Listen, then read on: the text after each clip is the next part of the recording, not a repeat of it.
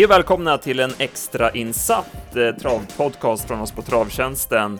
Det är ju V86 ikväll, Solvalla Åby och vi tänkte snacka upp omgången och även berätta lite grann om eh, hur vi tänker när vi spelar på trav, lite spelstrategi och hur vi la upp systemet i onsdags. Det vart ju en riktigt fin vinst då.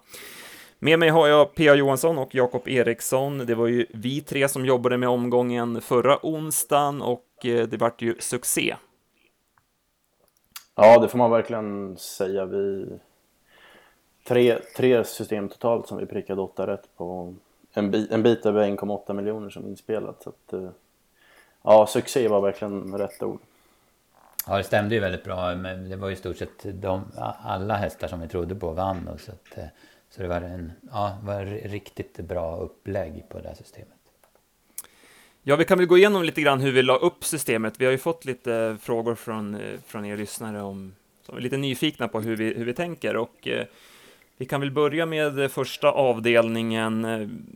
Vi kan säga så att vi brukar dela upp, när det är V86 så brukar vi dela upp det att det är två stycken som jobbar med omgången, att vi tar fyra lopp var. En gör fyra lopp på Solvalla och en gör fyra lopp på saxbanan om man säger och sen har vi en eh, tredje person som har en eh, medkollsroll så att vi är tre stycken som jobbar med omgången.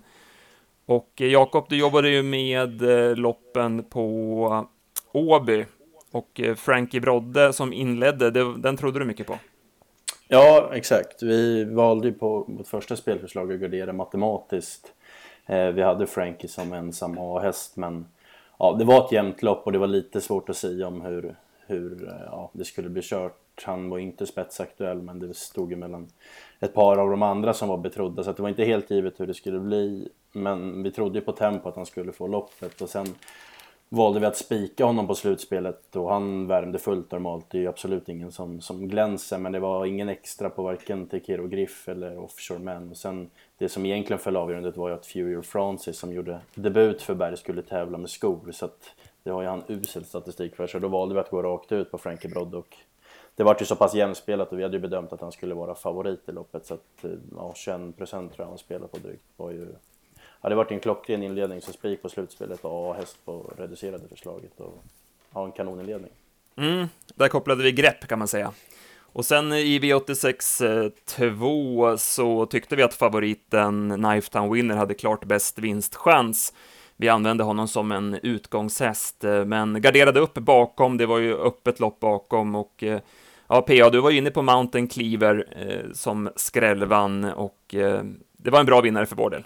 Mm, ja, verkligen. Och väldigt lite spelad var hon ju trots, ja, trots allt, va? trots hennes, eh, hennes eh, statistik och så sen tidigare. Så det, det vart ju bra då, även om vi åkte på en utgång så att säga, så räddade det sig ju senare under dagen. Så det var ett bra lopp. Ja, precis, och vi valde att gardera upp loppet på slutspelet då Knifetown Winner. Han stack ju iväg, han blev ju väldigt stor favorit i slut och eh, eh, ja, han har ju inte sin bästa bit den sista biten, så att eh, speltekniskt så fanns det ju roliga hästar bakom och eh, vi fick träff på en 2-procentare där, så att eh, So far so good. Sen gick vi till eh, tredje avdelningen och här trodde du, Jakob, mycket på Call Me A Winner från spets och det blev, det blev också en riktigt bra vinnare för vår del. Mm, ja, det var ju en statistikvinnare kan man säga. Nu har hon gjort väldigt bra lopp och jag tyckte hon såg så fin ut när hon vann med Urberg och sen hade vi bra snack med Järpedal och, och vi trodde på henne till ledningen. Och ja, väl där så trodde vi även på bra chans. Hon är obesegrad i den positionen. Och hon får vi säga var faktiskt riktigt bra. Det var en 0-9 öppning och sen höll hon ju undan säkert till slut. Så att, eh, ja, det var ju också på så vis. Vi ställde ju henne mot Knifetown Winner och ja, det vart ju klockrent med skräll i Knifetown-loppet och så vann då vår andra utgångshäst då, så att säga. Så vi spelade ju en av två på dem. Så att, eh, ja, det vart ju helt rätt och även henne viktade vi då såklart med på det reducerade systemet. Mm. Och vi tyckte att bakom så, det var ju Velvatter och Sherford Rivner som var spelade bakom, Velvatter som kom från en tveksam insats och Sherford Rivner från Sport 12. Så att det kändes ju som att det, det var ju bra skrällchans bakom Kolmia Winner, så hade vi fått Knifetown Winner i förra, ja men då hade vi troligtvis kunnat fått skräll här. Det var väl lite så vi tänkte. Exakt, och det kan vi nämna också med slutspelet. Är vi, ju, vi gör ju värvningar och snappar upp senaste nytt från stallbacken och kanske ringer någon, någon kusk för att få vidare på info. Men vi kollar ju även mycket på hur spelet sätter sig. Det är ju svårt att säga när vi släpper tipsen vid 15 hur, hur liksom speltrenden rör sig. Vi sätter ju värdering på, på varje enskild häst själva, vad vi tycker de ska vara spelade på. Sen får man ju då se. Så att, till exempel Lifetime Winner hade ju vi inte värderat till 66% som han spelade på. Vi trodde väl att han skulle vinna kanske loppet en gång av två. Så att han stack iväg för mycket och därav gjorde vi värderingen att det kanske var värt att gardera matematiskt rakt av på slutspelet. Så att det är inte bara värmningar vi tar hänsyn till på den spelprodukten. Eh, och Holmia Winner trodde du på spets på. Eh, du kan ju berätta lite grann för lyssnarna hur, när du läser på loppen och hur du jobbar. Ja, jag tycker det är skitviktigt, även fast nu vi går mot vinter och spets inte blir blir lika viktigt kanske det som är på en vindsnabb Halmstadbana på sommaren så avgörs det ju väldigt mycket loppet i starten och speciellt på Åby är ju positionen extra viktigt när man har open stretch att tillgå. Det ska ju sägas att på Åby är det ju extra svårt för det är lite ja, tuffare att veta hur kuskarna resonerar med tanke på att du kan släppa och få chansen. Men, men för henne var det ju inget snack och vi hade ju pratat med Järpedal som, som var väldigt tydlig med att hon är ju, går ju väldigt bra i spets. Och, ja, Ingves är vass på laddorna. hade visat startsnabbhet på Charlottenlund när, när Johan hade kört henne. Så att, eh, ja, vi, det var ju rätt beräknat så sätt att Princens teamer tog ledningen och sen då släppt till Call med Winner. Så att, jätteviktigt är ju såklart att lägga fokus på. Det är ju inte alltid bästa hästen vinner som, som många vet utan det är ju positioner som avgör. Och, ja, det är gärna det man vill ha med sig. Man kan tycka en häst är rolig men det är ju oftast det ställer vi frågan till varandra om hur, hur ska det gå till och liksom vart hamnar och vem och sådär. Så, det är ju, man kan tro mycket på en häst men man vill ju ofta ha ett scenario på, på hur hon ska vinna. Bästa hästen trodde vi på i femte loppet, Cashback Pellini. Den spikade vi på rubbet. Eh, och eh, han blev ju jämspelad med Magic Happens, så att eh, även här så var det ju rätt att ta ställning och koppla grepp. Ja, verkligen. Det var ju vad vi tyckte var bästa hästen, det visade sig vara rätt också. Sen att han skulle tävla med skor bakom in på kvällen och det var ju en värdering vi tyckte var negativt men han ändå gjort bra lopp med skor och med tanke på att han blev betydligt mycket mindre spelad än vad vi själva tyckte att han skulle vara. Magic Happen som vi höll som överspelad, ja, närmade sig på sträckan så höll vi vid honom som bästa spik och det vart ju ett vinstgivande drag. Sen vann eh, Iglesias Porsche vann ju fjärde loppet, den hade vi tipsetta på efter en förbättrad insats gången innan och sen i sjätte loppet så fick vi ju den här skrällen som vi ville ha. Vi hade heltäckt det här loppet och eh, ja, en av våra lite smygfavorithästar, PA, Chocoboy, skrällde. Precis, vi pratade om det i måndagspodden att vi har jagat den. Vi drog upp två tillfällen i fjol där vi trodde på den. Va? Så äh, det var, den, ja, den satt ju som en smäck då den till 1% eller under 1% kanske det var till och med. Och han behöver ju inte be om ursäkt heller för avslutningen var ju jättestark i spåren sista 600. Ja, precis, och det var lite som jag var inne på i podden i måndags också, att eh, när man går igenom omgången så är det viktigt att kolla tillbaka på hästens eh, historik och eh, kapacitet. Som sagt, han hade ju gjort ett jättebra lopp på Mantorp, han sprang 13,5 full väg och Eh, hade visat eh, högt kunnande för loppet, så att man ska inte stirra sig blind på formraden, utan snarare tvärtom, utan grotta ner sig lite grann och kolla på lite historik. Så jobbar jag i alla fall. Eh, Eh, har ni någonting att inflika kring det? Ja, nej, jag håller med. Och sen lite så här årgångs, eh, eller årstidshästar också. Går de bra på hösten så brukar de gå bra nästa höst också. Det, det är nästan alltid så. Va? när hästar har varit med några år så kan, får man en, en eh, bild av dem, men de har en cykel under året. Och speciellt också med, med den historiken och sen var det låga rapporter på men det var ju som vi pratade om på morgonen där innan. Det, det är såklart ingen kanske toppform på men när man får en procent på en sån fin häst så får man nästan bortse från vad rapporterna är utan då ska man ju ha med honom för att man just tror att han har ett så pass bra kunnande för, för loppet. Och som sagt på V86 så eh, de här skrällarna, de, de rensar enormt. Det blir ett jäkla skjuts i utdelningen. Så att, ja, det var riktigt bra, en riktigt bra vinnare. Eh, vi satt ju kvar då lite kort på slutet, men vi tyckte ändå att vi hade två starka lås. Vi låste ju sjunde loppet på Stella Newman och Stonewashed Diamant. Och Stonewashed Diamant, hon gick ner i klass och visade sig vara bäst. Ja. ja, jag var ju väldigt inne på Stella Newman och hade velat få henne till ryggledan men ja, det var inte rätt och det får vi jag får tacka er två främst att, att och PO som du var ju jätteinne på Stonewash så att Därav också fördelen med att man kan läsa på ett lopp men även få input från andra och ja, det vart ju sunt. Hon gick ju som sagt ner i klass. Det var med att jag, ja, jag vart lite sådär på, ibland blir man för mycket scenario och ryggledaren och vasspurt till slut och sådär men man måste ju även ha med det i beräkningen att man, det är inte alltid man får, får som man vill från start och då, ja, då var det ju tryggt att ha Puda bak. Jag kan ju säga varför jag var så himla inne på Stormors Diamant. Dels så tycker jag att den en, det är en väldigt bra häst. Hon har, sen, hon, sen man kom till rätta med henne, så hon var ju väldigt ojämn tidigare, men sen hon har börjat tävla stabilt så har hon visat väldigt hårdhet i loppen. Och sen värmde hon otroligt bra på Sundbyholm. Jag, jag var ju jätteinne på henne i det här loppet på Sundbyholm, men då travade hon inte riktigt i sista sväng och så var det väl kanske lite för tufft emot den gången. Så därför tyckte jag att hon gick ner i klass nu när hon bara mötte ston och stod bra in i loppet. Så det var därför jag trodde stenhårt på henne trots läget. Och det är ju en, det är en fördel med att vi är ju på plats på dagens dubbelbanorna. Vi har alltid någon, någon som är på plats eh, och kollar värmningar och senaste nytt i stallarna och då tar man ju också med sig intryck. Nu hade du med dig värmningsintrycket framför allt från Eskilstuna och de har chansen att ta betalt nästa gång istället. Ja, precis. Nej, så det blev ju det blev en bra vinst och hon blev ju inte... Första känslan var ju att hon skulle bli klar favorit, men hon blev bara knapp favorit till slut, så att det var ju, blev ju en bra vinnare till slut.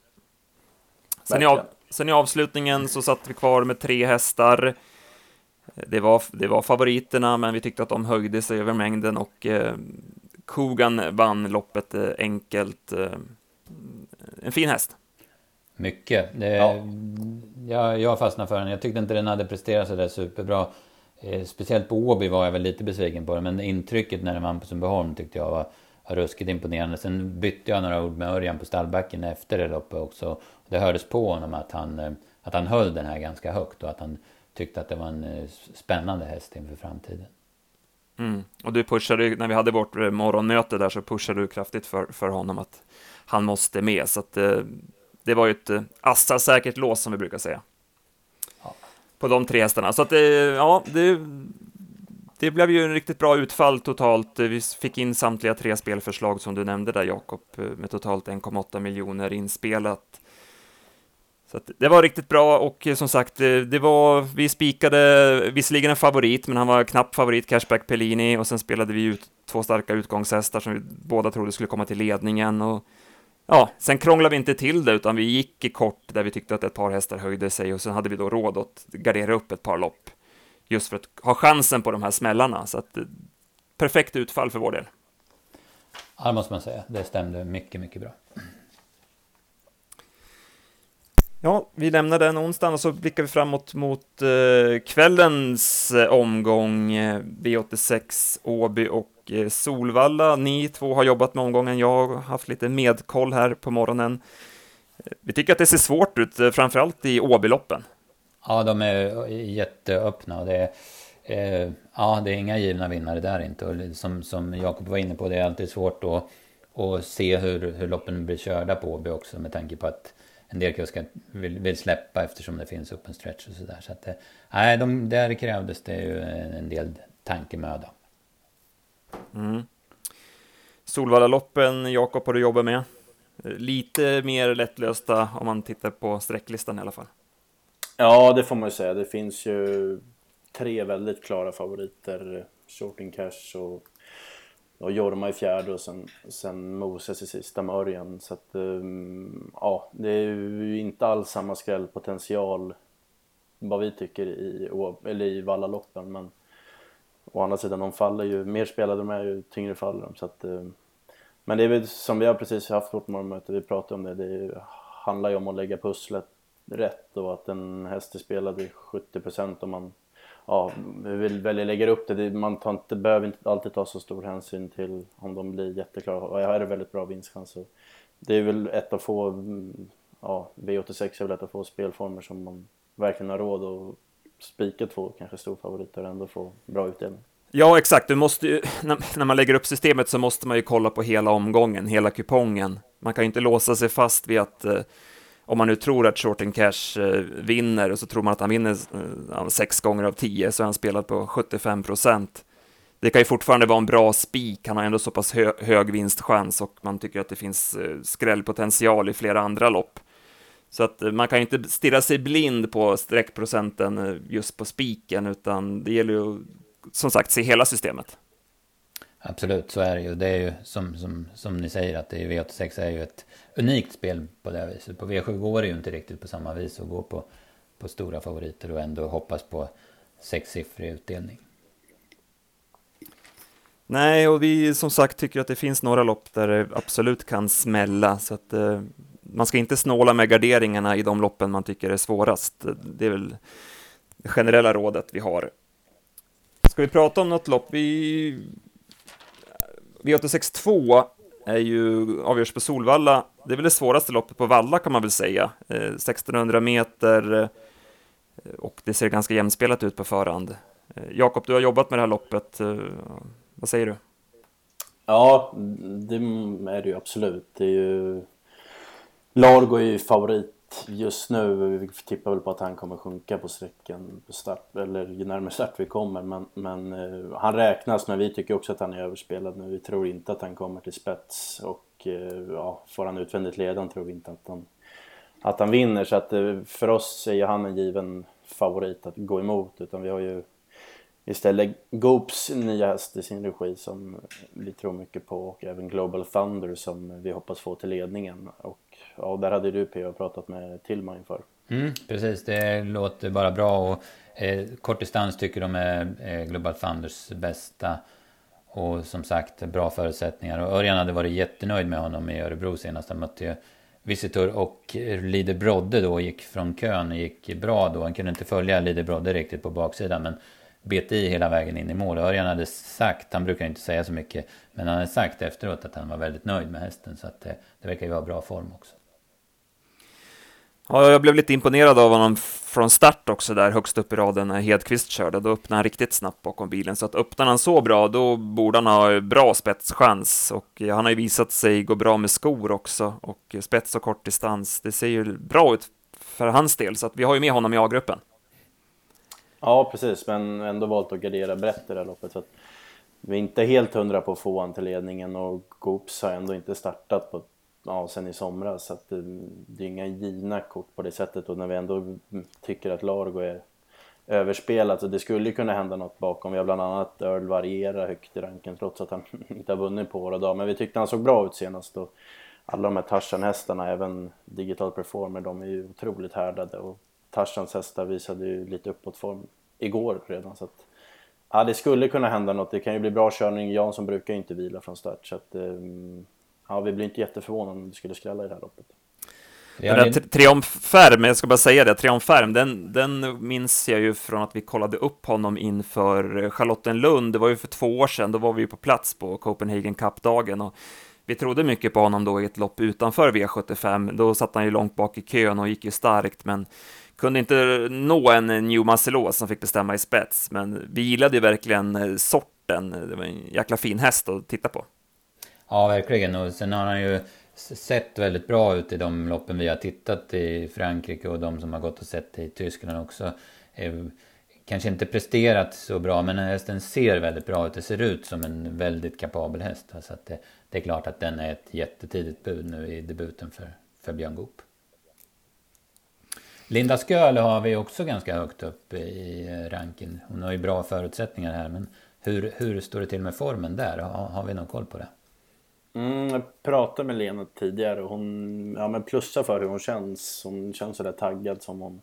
Hon har fått pausa nu efter ett par lite sämre insatser och ja, men hon har även tävlat bra efter vila tidigare. Och det är en liten sån där joker. Hon är ju ingen blixt från start men bland annat en start på Visby från sport 2 som inte helt enkelt klev hon iväg väldigt rejält. Så att skulle de andra öppna lite försämrat och Oskar skulle få jättesnurr på henne så att det är inte sådär att hon är helt utan chans på spets och i spets vet vi hur bra hon är. Hon är en sån här som skulle kunna rusa på i 1600 meter och ja, under 5% just nu då tycker vi ändå hon är spännande från läget. Ja, tveklöst.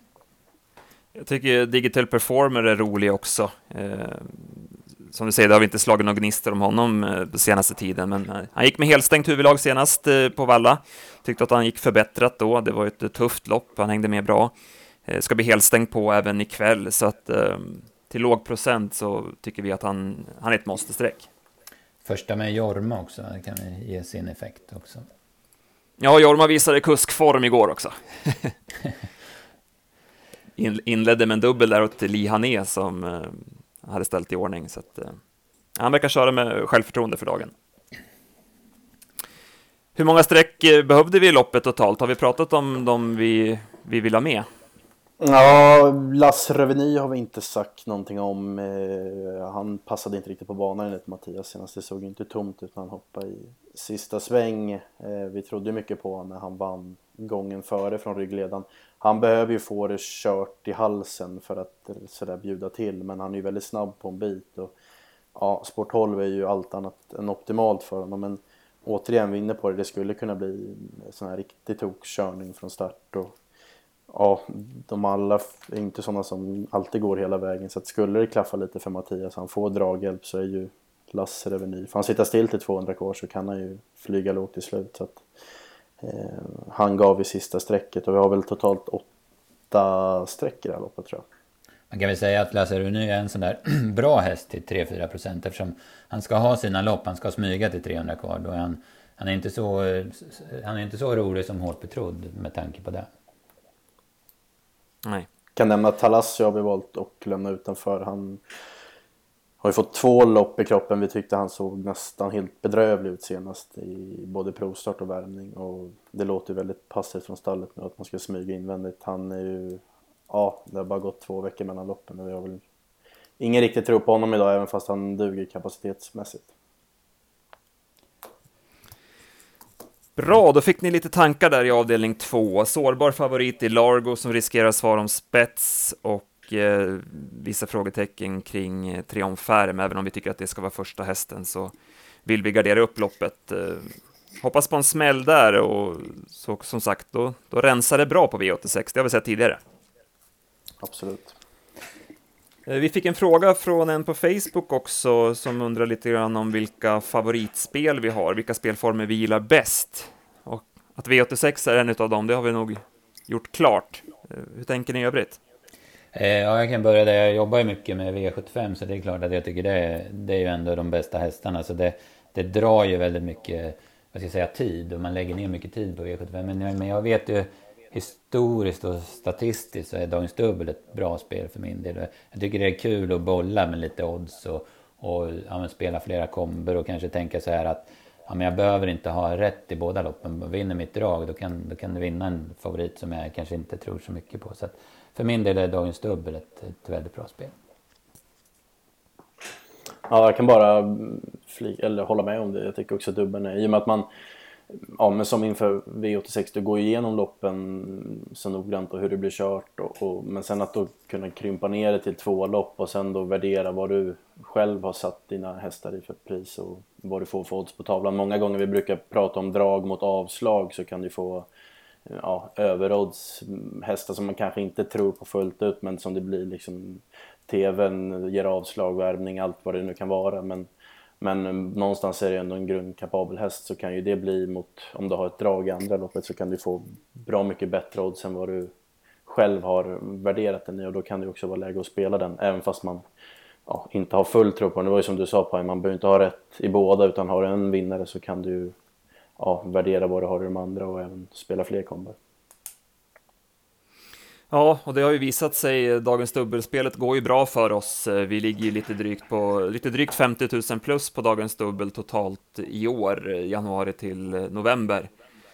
Så att vi har hittat ett, eh, ett sätt som vi tror på. Eh, som sagt, vi har ju alltid en man på plats som kollar värvningar och sen eh, gör vi ett sista minuten förslag när vi har alla förutsättningar, värvningar, balansinfo, och eh, oddskoll. Så att, eh, dagens dubbel, det är, och det är ett spel som, jag menar, det kan ju vem som helst spela egentligen. Vi gör ju spelförslag och sen kan man ju välja hur, om man vill spela dem rakt av eller om man vill ta lite inspiration och, eller eventuellt eh, sänka insatserna efter egen plånbok. Det, det, är lite fritt det där och det är ett spel som passar alla egentligen, dagens dubbel.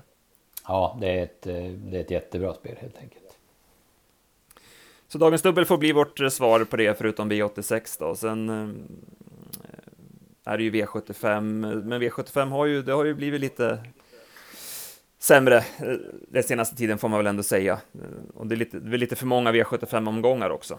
Ja, det är det också. Det blir, blir lite ur, urvattnat. Man kan smeta ut hästarna på flera omgångar så det blir inte den där eh, top of the notch-klassen. Man vet ju hur roligt det är att jobba med en finalomgång på Valla när, när alla de bästa hästarna är med och man får bolla scenario och sådär. Då, då är det ju riktigt kul med V7 men alla gånger är inte lika roliga.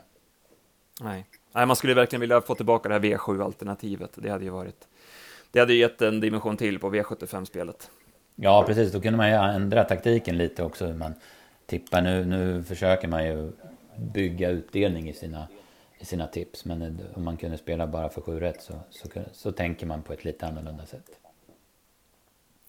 Så nu på lördag till exempel, det hade ju varit en perfekt eh, V7-omgång där det finns ett par starka favoriter och det ligger väl i pappren att det är risk för eh, jackpot på, på femmorna. Eh, då hade man gärna varit med och bara deltagit i sjurättspotten.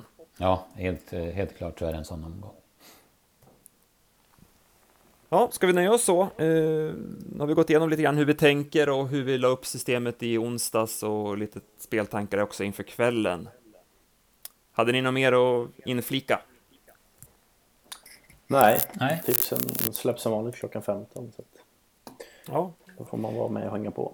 Och du Jakob, du jobbar med slutspelet ikväll. Du är på plats på Valla. Mm, eh, och förhoppningsvis så det är ju strålande zoner i Stockholm runt nollan. Så att, och det var som du sa Andreas, du var ju på plats igår och det, banan vart ju bättre mot slutet och började sätta sig. Så vi tror väl på en ganska fin bana ikväll. Så att, Ja, det bör väl kunna bli det när det kommer sådär väta dagen innan och sen får torka upp idag. Den ja. borde ha satt sig bra till idag, kan man tro i alla fall. Absolut. Och sen får vi ändå säga, det är ju himla skönt nu med, med sko, skotvånget, att man slipper, slipper tro på en sak och sen så blir det skor fem minuter innan. Man förstår ju tränarna som har problem med det, men nu är det ju, ja, som sagt, nu är det skor gäller för alla. Det är rätt skönt att kunna lägga det bakom sig den här årstiden så att det inte blir något konstigt. Hur tänker du kring eh, just det här med skorna, PA? Eh, vi har ju sagt de här åren nu att man, man övervärderar, eh, man underskattar de här hästarna som har tävlat bäst barfota. De, de, många av dem funkar ju bra även med skor. Ja, så är det ju. Alltså det, är, för det blir ju lite att alla hästar eh, eh, ja, men tappar ju lite kapacitet när de går med, med skor. Va? Så att det, det, är inte så stor skillnad. Som, det är värre på sommaren när de kontinuerligt tävlar barfota och sen nej den har inte fötter idag så vi måste slå på skor. Då kanske den inte är förberedd för att tävla med skor riktigt så den har lite, lite längre tår och sådär. Så att, eh, jag tycker inte man ska övervärdera det. Sen finns det ju hästar som är, som är dåliga med skor och det, fortsätter de att och, och tävla på så, så är det en nackdel för dem. Det finns ju hästar som aldrig har vunnit med skor. Va? Så det, men det ser man ju, liksom, det kan man ju gå tillbaka och kolla. Om du jämför ja, typ exemplet med... var väl förra onsdagen med Furious Francis som gjorde för debut för Berg, men han har ju knappt gått ett steg utan eller med skor på sig. Han har ju bränt mängder av gånger som favorit med, med skor. Så att, mm, ja, det är väldigt, får man ändå säga, individ på vilken häst. Men det är väl som du säger generellt kanske man, typ Speedy Foxy Vicane i helgen var ju, ja, undervärderade man ju när de skulle gå med skor. Ja. Ja, exakt, så det är väl... Eh, vi, vi kör inte den flosken lika för alla, utan, men, men inte, man ska inte övervärdera eh, effekten. Nej. Så kan man väl säga. Jag tror lite, jag vet inte, jag, det var så länge sedan jag höll på med hästar så, så att eh, jag ska inte ta gift på det. Men min känsla är att eh, de som brukar gå barfota fram och sen gå med skor runt om, de är lite mer missgynnade än de som brukar gå barfota bak och sen gå skor runt om. Eh, men det är bara en egen teori jag har. Men jag tänker att det här att de är... Att när de går barfota fram då är det för att, för att de inte ska slå ihop och sådär. Men sen när de får skorna på sig får de ett annat steg och, och, och har lättare att slå ihop och närmare till galopp. Mm. Medan om man slår på ett par bakskor så får man kan få bättre fäste och man bromsar steget lite grann. Så det, så, så det blir inte så stor skillnad då. Där hör ni lite råd på, på vägen. Ja men kanon, eh, då nöjer vi oss så för den här gången och så eh, laddar vi mot kvällen. Vi släpper ju tipsen klockan 15 på travtjänsten.se och sen eh, börjar vi sälja slutspelet ikväll runt halv åtta. 19.30 exakt. Ja. Toppen! Eh, hoppas ni har fått ut någonting av den här extrainsatta podden. Eh, vi återkommer som vanligt med en eh, ordinarie podd på måndag. Ha det gott så länge!